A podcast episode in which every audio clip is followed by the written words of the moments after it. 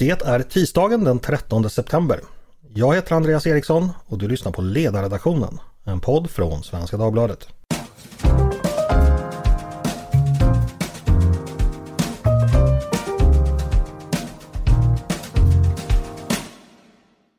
Varmt välkomna!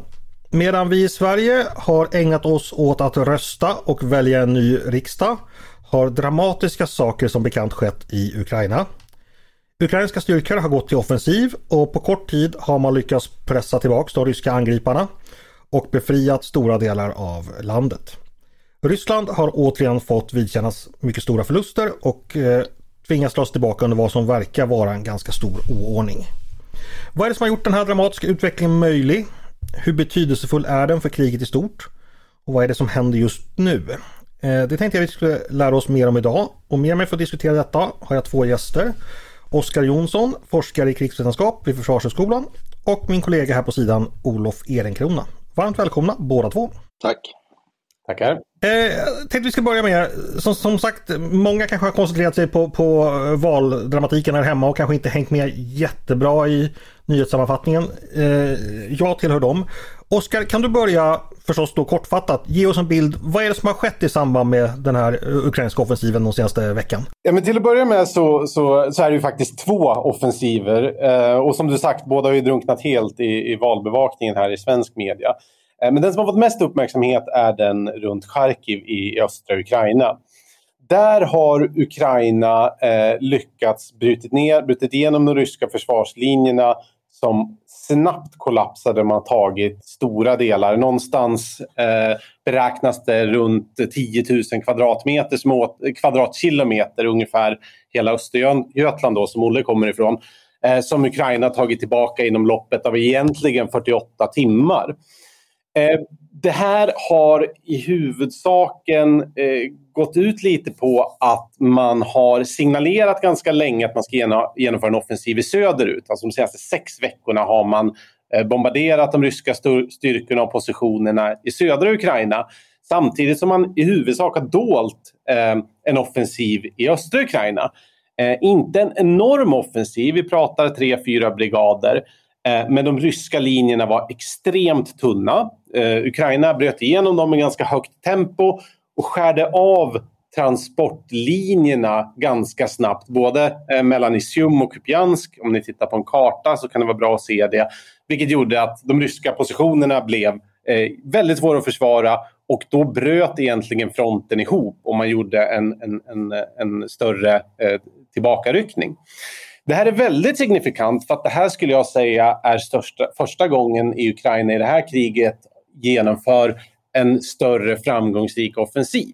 Så Ryssland har ju ryckt tillbaka till exempel efter eh, försöket att ta Kiev.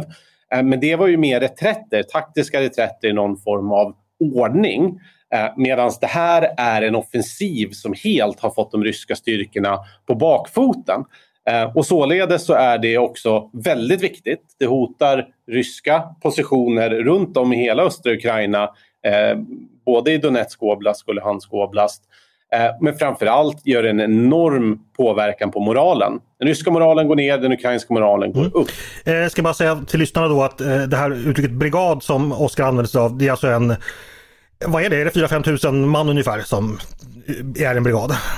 Ja, exakt. Det får man väl säga. För att sätta det i svensk kontext så, så var väl förra försvarsbeslutet beställning att vi skulle ha två brigader i mm. Sverige. Eh, och nu är det väl tre och en halv eller något sånt där. Så att det kanske är mycket med svenska mått mätt. Men vi kan väl säga att ukrainska försvarsmakten gick från 2014 till 2022 till 25 brigader.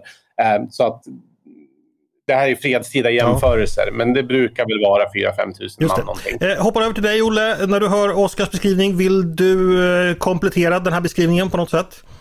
Ja, nej, jag, jag delar den helt. Uh, men jag kan lägga till lite historiskt perspektiv. Bara att den här skillnaden mellan operationerna eh, norr om Kiev och nordost om Kiev och de som vi har sett nu, den, den är väldigt viktig.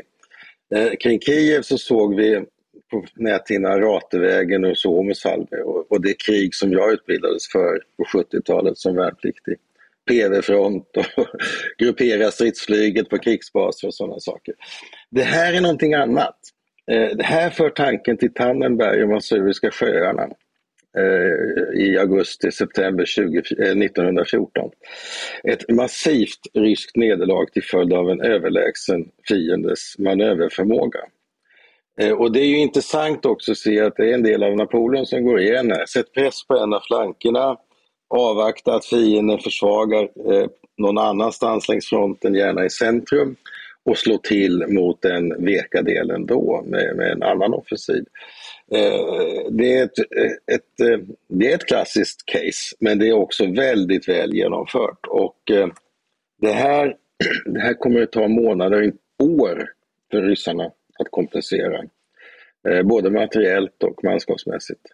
Och sen ska vi komma ihåg att det som hände i augusti-september 1914 var ju också eh, förspelet till det som kom att hända 1917. Och precis som nu så var det ingen som märkte någonting i Sankt Petersburg utan det var den söndertrasade stridsmoralen vid fronten som fällde avgörandet. Just det. Eh, det Olle nu beskriver här, det var ju då östfronten under första världskriget är ju kanske inte så känd, men det var ju ett betydligt rörligare krig där och tyskarna då under eh, Hindenburg som senare blev president och Ludendorff hette väl han den andra, eh, lyckades ju ganska snabbt hösten 2014 besegra eh, stora ryska styrkor. Ni får googla på slaget vid Tannenberg så kommer ni hitta mer om detta. When you're ready to pop the question, the last thing you want to do is second guess the ring. At BlueNile.com you can design a one-of-a-kind ring with the ease and convenience of shopping online. Choose your diamond and setting. When you find the one, you'll get it delivered right to your door. Go to Bluenile.com and use promo code LISTEN to get $50 off your purchase of $500 or more. That's code LISTEN at Bluenile.com for $50 off your purchase. Bluenile.com code LISTEN. Vi ska uppehålla oss vid 2022 lite mer. Eh, det var helt enkelt så Oskar att eh, den här offensiven i, i, i söder runt Kherson Det var, var, var det mer eller mindre en krigslist från Ukrainas sida att man ville dra uppmärksamheten dit medan man mer eller mindre i hemlighet då förberedde en offensiv i, i Charkiv, i Charkiv-provinsen? Eh, eh, nej och ja, får man säga. Alltså, det var en, en, en krigslist i det avseendet att man telegraferade det ganska långt i förväg och tydligt. Och, och ukrainska företrädare sa i augusti att vi ska ta tillbaka hela Chersonområdet i september. Eh, men det var också reellt. Alltså det pågår en, en, en motoffensiv i Cherson som också gör stora framsteg. Eh, sen ungefär sex veckor tillbaka då, så har man slagit på djupet där mot ryska baser, flygbaser, vapendepåer, ehm, eh, transformatorstationer och så vidare. Och sen såklart broarna. För att Eh, ryska trupper sitter nu fast norr om floden Dnepr. Eh, det hade egentligen fyra överfartsområden, två för järnväg och två för, för bilar. De har Ukraina sprängt. Eh, och Cherson är en prioritet för ukrainska styrkorna. Så att det är krigslistor i avseende att man var helt tyst om en, om en eh, offensiv i Charkiv och det sågs inte i öppna källor som, som jag följer. Eh, men eh, det pågår också motoffensiven i Cherson dit Ryssland då hade omgrupperat mycket av sina, eh, sin personal från östfronten. Man ungefär dubblade sin, eh, sin närvaro i Cherson från, eh, från slutet, av, eh, slutet av juli. Eh, och det understryker faktiskt det som, är, eh, det som hänger ihop i båda fronterna. Alltså Rysslands största problem i det här kriget just nu, det är manskapet. Mm. Eh, ungefär en och en halv månad sedan så sa amerikanska företrädare då att 80 000 dödade och skadade ryska soldater. Då får vi minnas att Ryssland startade med 125 000. Sen har man ju genomfört tvångsmobilisering i Luhansk och Donetsk och så vidare. Men de har ett enormt problem och det var därför offensiven i Charkiv gick så bra. För att försvarslinjen var tunn och så fanns det inga reserver och det föll ihop. Eh, man har mer folk i Cherson men där ser det också ut att gå ganska dåligt. Och eh, ukrainska motoffensiven går framåt mm. där. En fråga som jag har grundat på ofta under det här kriget, vi har tagit upp det i podden tidigare, och det gäller vad som händer i, i luften. Eh, I andra samtida krig har vi ju, framförallt när USA varit på ena sidan, har ju luftherraväldet beskrivits som, som avgörande. Eh, nu verkar det som luftrummet Ja, det är omstritt och det, det, sker kanske inte så jättemycket i luften. Eh, Oskar, vad, vad, finns att säga om det? Vilken roll spelar luftkriget för, i kriget just nu? Ja, eh, hur mycket tid har vi? ja, du får försöka sammanfatta så, så gott det går. Okej, okay, jag, jag, försöker vara lite kärnfull. Det pratas väldigt mycket om, om luftkrigets icke-varande. Först av allt vill jag bara lägga in brasklappen att eh, luftdomänen är ju det vi ser absolut minst av. Eh, så att det får man också vara lite försiktig med. Eh, det andra är att man får minnas att de ryska väpnade styrkorna strider på ett helt annat sätt än de västliga. Hade till exempel väst försökt invadera Ukraina då hade man startat med kanske en veckas eh, förbombningar av allting. Mm. Nu när Ryssland gjorde det, egentligen eh, första natten, så hade man fått varningar från amerikansk underrättelsetjänst. Man en ganska bra bild på ryska mållistor. Så man flyttade luftvärn och ukrainskt flyg. Så ganska mycket av det överlevde och Ryssland lyckades aldrig upprätta luftherravälde. Men eh, den ryska armén är eller de ryska väpnade styrkorna är framförallt en armé. Eh, det ryska flygvapnet används ganska mycket som ett flygande artilleri och de är inte ens i närheten av att öva lika mycket eh, att beskjuta luftvärn till exempel för att upprätta luftherravälde så som vi gör i väst. Utan de används på ett, på ett annat sätt. Och de har skjutit. De är fortfarande ansvariga för att skjuta alla de här kryssningsrobotarna vi ser. Eh, det är det ena och sen det andra får man också säga att de Alltså svenska piloter klagar när de inte får 200 flygtimmar om året. De ryska ligger någonstans mellan 50 till 100. Så att genomföra komplexa operationer i territorium där motståndaren har luftvärn buret och fast. Det är väldigt svårt. Men ja, de har gjort det sämre än man tror, men vi vet inte heller allt mm. de har gjort. Mm. Eh, vad finns det mer? Vi har varit inne på det några, så här, men, men, förklaringar till de här extremt snabba ukrainska framgångarna. Man har väl mer eller mindre befriat hela Charkiv-provinsen nästan. Eh, Olle, finns det något mer att säga utöver det som Oskar redan har beskrivit? Jo, eh, ja, alltså eh, inte så mycket, men lite. Nej, men alltså det, de är ju nu eh, vid ryska gränsen och de har möjligheter att rulla upp den ryska flanken norrifrån ner mot södra Ukraina. Så att det blir väldigt svårt för ryssarna att etablera en ny försvarslinje i det område där, där Ukraina nu har gjort sina stora vinster. Det är viktigt. Sen är det ju så att det som också för tanken till 1914 det är ju att ryssarna har kvar den här enorma svagheten i att inte kunna kommunicera med varandra. Man har ju inte haft fungerande kommunikationssystem. Och det är absolut nödvändigt om man ska samarbeta mellan armé och flyg. Om man ska kunna få ett flygunderstöd direkt mm. när man behöver det så måste man kunna kommunicera med flygvapnet och det, det kan man inte ordentligt på rysk sida. Jag vet inte om ni kommer ihåg den här incidenten i Syrien där eh, Wagner eh, gjorde en attack mot en amerikansk bas, Wagnerstyrkorna. Och det tog inte mer än några minuter för det amerikanska flygvapnet var där och sköt sönder hela förbandet. Mm. Eh, det här klarar inte ryssarna. Och det är ju en viktig förklaring till att luftherraväldet har saknats. Men det är också en viktig förklaring, eller det är också viktigt att förstå att det beror på inkompetens, inte på att luftherraväldet inte, inte skulle vara viktigt. Eh, Oskar, en fråga till dig som, som eh, krigsvetenskapligt. Ser vi några nyheter när det gäller eh, vapensystem eller hur, hur styrkorna rör sig eller kommunicerar eh, just nu i den här offensiven som vi inte har sett tidigare under kriget? Jo, men alltså den, de här, båda de här motoffensiverna är ju möjliggjorda väldigt mycket av eh, nya västliga vapen. Eh, man vill såklart undvika någon form av eh, liksom systemdeterminism, att nu har Ukraina fått HIMARS och därför vinner de. Eh, men man har fått dem, man har utbildats på dem eh, så att man kan använda dem väl. Eh, och med dem så har man då slagit mot Ryssland på, på djupet ett tag. Eh, vilket har liksom eroderat de ryska positionerna. Och det är också en sån sak som ryska väpnade styrkor gjort väldigt dåligt. Alltså, eh, att uppdatera sig. Man har ju vetat att Ukraina skulle få HIMARS så man kan ju räkna ut vad som ligger inom skottavstånd.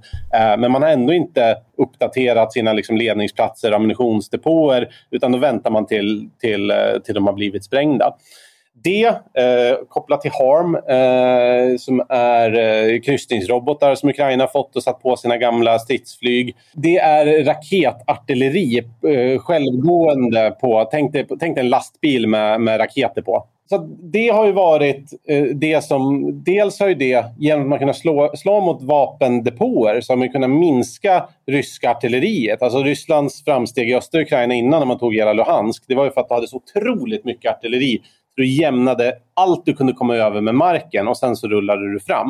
Eh, men nu när man kunnat slå mot det så har man kunnat minska takten på det. Eh, och egentligen, eh, alltså, man har påverkat Ryssland på djupet vilket har utarmat dem. Så det är ganska personellt och materiellt utarmad styrka just nu, de ryska vapenstyrkorna. Mm. Olle, vad vet vi om hjälpen från väst? Vi vet att det har kommit vapen. Kommer det, får man också hjälp med planering och underrättelser och den typen av, av stöd? Ja, ja, det har det ju funnits med under ett år. Eh, planering, underrättelsetjänst. Eh, amerikanerna har ju varit väldigt framåtlutande. Även britterna. Så att, eh, men det intressanta nu, är, som vi diskuterar nu, det är ju då att man ska förse den ukrainska armén med stridsvagnar från väst. Eh, och eh, det är min bedömning att det kommer att ske.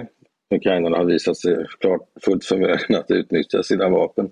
Vad som är betydelsefullt också är att det precisionsartilleri som har kommit från väst har ju gjort det möjligt att beskjuta ryska, ryska positioner med någorlunda säkerhet för civilbefolkningen.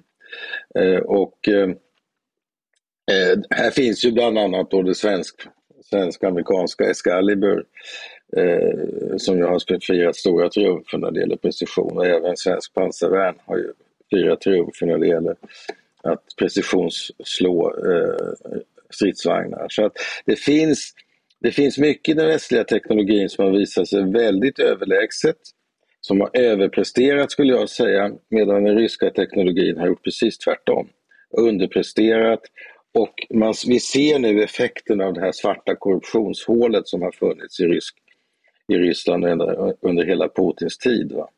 Eh, det har slagit på kvaliteten på materielen och ryska soldater känner sig väldigt underutrustade när de ser de ukrainska med sina nattsikten och sina skyddsvästar och allt, allt vad de har. Mm. Eh, Oskar, vill du kommentera något vidare till kring teknologigapet mellan Ryssland och Ukraina? Jag håller med om det. Sen, sen tror jag också det som vi ska ha i åtanke också kopplat till när Ryssland tog hela Luhansk då, som jag berättade det. Det var ju artilleripjäser. Det är ju liksom den industriella dimensionen av krigföringen det kommer ta USA till 2026 att bygga upp alla Stingers, alltså burna luftvärnsrobotar som man har skänkt bort. Och då vill man nu ha mycket mer än man hade innan kriget. Ehm, I Europa så har man nästan tomt i ladorna. Det är därför man har svårt att skicka något mer. Ryssland har ju eldrör, Ryssland har ju simpla artillerigranater. Eh, och, och, det, där är ju, här, det där är ju en lärdom för Sverige att tänka mycket kring. Eh, vi har väldigt high tech men få saker och låg uthållighet och hoppas handla på en internationell marknad. Eh, Medan uthålligheten här har ju också en enorm påverkan. Eh, men nej, Ukraina har eh, framförallt inte bara fått bra saker, de har lyckats använda dem på ett väldigt bra sätt, vilket har varit Eh, någonting som väst har fått kritik för att man inte ger det så snabbt utan man ser till att utbilda operatörer på saken innan man, innan man skickar dit dem. Men nu är det väl ungefär 350 ukrainare som är utbildade på HIMARS som vi pratade till exempel. Eh, och det visar också en viss mognad att inte bara slänga in allt utan att se till att de kan användas på ett bra sätt. Och det har de gjort. Mm. Eh. Får, jag, får jag skjuta in det? det, är ju, det är, alltså de opererar ju 14 artillerisystem. Det är rätt imponerande faktiskt. Eh, vi borde leverera ett, ett femtonde med, med, med Archer, mm. eh, vilket jag hoppas att vi kommer att göra. Men, men det är alltså en, en enorm utmaning för, för eh, förbanden att hantera så stor, stor skyddad materiel. Samtidigt får man ju säga att Ukrainarna är ju ett väldigt välutbildat folk. De som är inkallade i armén är ju motiverade. De är vana vid att hantera avancerad teknologi på ett sätt som, som naturligtvis inte de ryska trupperna från Centralasien är. Och det är ju också ytterligare ett problem som, som Putin måste hantera, att det är så otroligt låg kvalitet på, på förbanden. Mm. Bara för att förstärka det Olle säger, alltså Ukraina opererar ju vartenda vapensystem från liksom Sovjet, Ryssland och väst samtidigt. Så att när det här kriget är över så tycker jag vårt eh, ingenjörsregemente ska åka till Ukraina och rekrytera lite, lite utbildare. Ja, lite arbetskraftsinvandring därifrån skulle vara utmärkt. Eh, Oskar, vad betyder den här eh, ukrainska framgångarna i, på, i öster för kriget som helhet? Du har varit inne på det lite, men kan du utveckla det? Nej, men det här, det, här är, det här är extremt betydelsefullt faktiskt i många aspekter. Alltså den första är eh, som visar att varenda vapen som går till Ukraina kan göra skillnad för dem att ta tillbaka sitt territorium. Och vi vet vad som händer i de ryska ockuperade territorierna med tortyr, avrättningar och mord. Eh, så det blir ju ett moraliskt imperativ på väst också att eh, där vapnen gör en enorm skillnad, fortsätt stödet snarare än om, om frontlinjen hade varit helt still. Eh, och så det är ju vissa västliga regeringar, till exempel Tyskland framför allt, som har, har varit väldigt långsamma med det här. Det vänder moralen väldigt mycket. Återigen, manskapet är Rysslands största problem. De har haft moralbrister på håll. Eh, Ukrainas moral eh, har svängt något enormt. Eh, och det gör, eh, rent militärt så, så, så förändrar det styrkebalansen i östra Ukraina ganska stort. Samma fråga till dig Olle. Vad betyder eh, den ukrainska offensiven för kriget eh, som helhet? Det betyder jättemycket. Eh, och det här är ju också det är ett episkt civilisationskrig mot en av världens värsta skurkregimer faktiskt. Den som sitter i Kreml. Och, och de krigsbrott vi har sett är ju, är ju episka helt enkelt. Va? Det är ju fruktansvärda saker som har hänt. Och vi ser, det kommer ju nya rapporter nu hela dagen från de befriade områdena. Men sen är det också väldigt viktigt för oss därför att det, ja, det, det är ju som Oskar antydde, att vi har mycket att lära av det här kriget i Ukraina för svensk del. Eh, och vi ställer ju om vårt försvar nu eh, och moderniserar det. Eh, och det är klart att vi får ju en annan, annan kunskap nu om vad som krävs av uthållighet och teknologiskt eh, avancerad utrustning. Vi ska göra det här i en period då vi ska ansluta oss till NATO och samarbeta med NATO. Det illustrerar ju betydelsen av internationell samverkan om man vill kunna försvara ett litet land.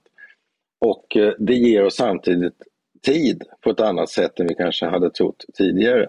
Ukraina har köpt eh, väldigt mycket tid åt oss när vi ska modernisera vårt försvar eh, jämfört med hur det hade varit om man hade travat, travat in och tagit Kiev på tre dygn. Mm. Botox Cosmetic, out toxin A, FDA approved for over 20 years. So, talk to your specialist to see if Botox Cosmetic is right for you. For full prescribing information, including boxed warning, visit BotoxCosmetic.com or call 877-351-0300. Remember to ask for Botox Cosmetic by name. To see for yourself and learn more, visit BotoxCosmetic.com. That's BotoxCosmetic.com. Oskar, vad, vad, kan man förvänta sig bli nästa steg? Har Ukraina resurser att fortsätta offensiven mot Luhansk, Donetsk hållet? Eller vad krävs för att kunna göra det? Det är eh, alltid svårt att spekulera i. Eh, Oskilfloden har ju eh, blivit en ny försvarslinje där och en ganska naturlig begränsning hur långt österut Ukraina kommer. Men Ukraina har börjat med, med motattacker längre söderut där på fronten också. Um, och det beror egentligen på hur snabbt Ryssland håller på och, och kan förstärka sina linjer. De försöker ju omgruppera där. Um, grovt sett kan man säga att det går extremt mycket snabbare för Ukraina att flytta trupp inom landet medan för rysk del uh, så måste du få dem ut runt via Krim och sen upp mellan de två olika fronterna som går just nu. Um, Ja, eh, så, så, länge det inte Ukraina möter starkare motstånd kommer de fortsätta pusha. Men, men ju längre offensiven går desto svårare blir det för Ukrainas håll med liksom logistiklinjer och så vidare. Så att, nej, jag tror att nästa steg som jag har fokus på det är ju Cherson-offensiven. Eh, ryska styrkor sitter fast väster om floden. Eh, så att där är det egentligen också en, en tidsfråga tror jag innan det faller. Utan man eroderar de ryska positionernas ryskarna, Rysslands möjlighet att få fäste där um, genom att hindra transporterna. Mm. Håll, håll, blicken på, på södra Ukraina alltså. Eh, eh, får jag eh, påpeka en sak som är viktig, nämligen sanktionerna. Eh, nu vis, det finns en artikel i Financial Times idag som visar på hur, hur den ryska statsbudgeten börjar brottas med allt större och större problem till följd av förlorade intäkter från gasexporten. Och vi har fått ett antal andra indikationer på att den ekonom ekonomin är på väg att eh, eh, få, få mycket, mycket stora problem. Det kommer också påverka ryssarnas förmåga att etablera nya försvarslinjer. Det lär ju också vara så att man inte längre får fram manskap från Ryssland till, eh, till striderna utan helt enkelt att truppen vägrar att, att flytta sig till stridsområdena. Eh, och det är ju också ett tecken på att det är betydande problem. Jag tror nog att Alltså det finns indikationer på att man har etablerat sig på andra sidan Oskil. Vilket i så fall skulle innebära att man kan fortsätta att rulla upp söder, från norr. Eh, vilket ju i så fall innebär en möjlighet att eh, genomföra en större omringning än den som vi ser, eh, ser nu kring Cherson. Mm. Så att det, de har möjligheter men det är klart att vi vet inte riktigt hur uthålliga och hur stora resurser de de facto har till sitt förfogande. Och inte heller hur stora förluster de har gjort. Vad vi däremot fick en indikation på häromveckan det var ju att uppskattningarna av de ryska förlusterna kanske har varit ganska realistiska för att inte säga underskattade. Eh, och det var när det kom ut siffror från hur många som man har tvingats betala för att de har stupat. Och de siffrorna låg ju på 48 000 och det var ganska nära alltså de ukrainska siffrorna på 50 000, drygt 50 000 soldater som hade stupat. Och lägg på då ytterligare två gånger eh, sårade, va? då är du uppe i 150 000. Det är rätt mycket. Eh, Oskar, hur har reaktionerna från rysk sida varit på den här senaste veckans utveckling? Eh, vet vi någonting om det? Ja, det är väl eh, alltså man får väl alltid ta det med en nypa salt. När man retirerade från Kiev sa man ju att allting går på plan. Nu är första fasen över. Nu ska vi fokusera på östra Ukraina. Och, och lite så är tongångarna nu också. Det som är intressant är ju ryska militära bloggosfären som eh, någonstans har splittrats i mitten mellan eh, är det lugnt, det är en liten tillbakagång till vad fan håller vi på med? Eh, oj, ursäkta språket. Men eh, även liksom, personer som Ramzan Kadyrov har sagt att han ska ringa och prata med Eh, den, den ryska militärledningen för att få klarhet i det här.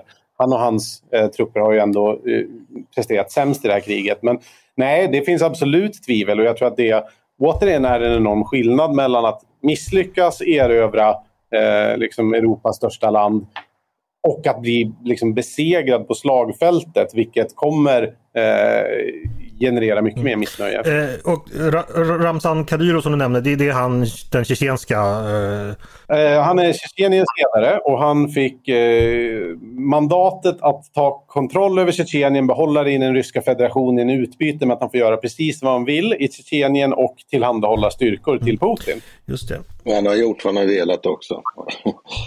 ja. Eh, jag, bara en siffra som cirkulerade här och det var ju det att liksom under de här offensivdagarna eller veckorna så har Ukraina eh, skjutit sönder ryskt materiel eller tagit ryskt materiel för 7 miljarder SEK. Va?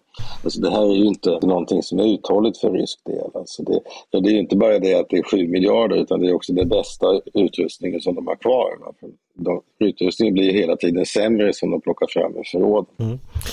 Jag såg Olle, eh, du, du delade på Twitter idag eh, en briefing från brittiska underrättelsetjänsten där det talades då om att om det var första gardets pansararmén då som var så pass skadad att ja, att, att återuppbygga delar av ryska försvarsmakten eller krigsmakten. Det kommer ta år enligt, enligt den. Eh, vad betyder det? Ja, det betyder ju att de i praktiken redan har, har förlorat kriget. Eh, hur stor den förlusten blir, det återstår att se hur mycket kraft Ukraina fortfarande besitter. Men, men eh, man har ju förstört stora delar av den ryska armén, förstört stora delar av förråden, eh, förstört sin legitimitet i förhållande till eh, de ryska väpnade styrkorna. Alltså det är ju Putin som har lett det här eh, och det är hans militärer som han har utnämnt. Alla de här generalerna som vi har sett stupade och fångna, de har ju utnämnts under Putin. Så att det är klart att det här är ju ett massivt misslyckande för personen Putin också. Eh, och eh, ja, alltså jag kan inte se att Ryssland kommer tillbaka som stormakt på, på mycket länge. Det finns snarare risken att landet fragmentiseras ytterligare. Mm. Eh, Oskar, vill, vill, du kommentera på detta eller blir det för spekulativt för dig? Nej, nej, det, det gör jag gärna. Eh, de goda nyheterna är ju att eh, de enheterna som har gått åt mest och, och, kanske gjort sämst ifrån sig är i mångt och mycket västra militärdistriktet. De som har varit dimensionerande eh, för vår hotbild. Eh, de dåliga nyheterna eh, som jag verkligen vill varna för, för det finns en, eh, ibland en känsla av att nu har Ryssland förlorat så mycket, nu är det lugnt. Utan eh, återigen, går man tillbaka till historien, hur många stormakter förlorar ett krig och tänker hörni det här med militärmakt, vi lägger ner det va? och så gör vi någonting annat. Eh, tvärtom så tror jag det liksom, fokus kommer vara att bygga upp det med dubblad förmåga.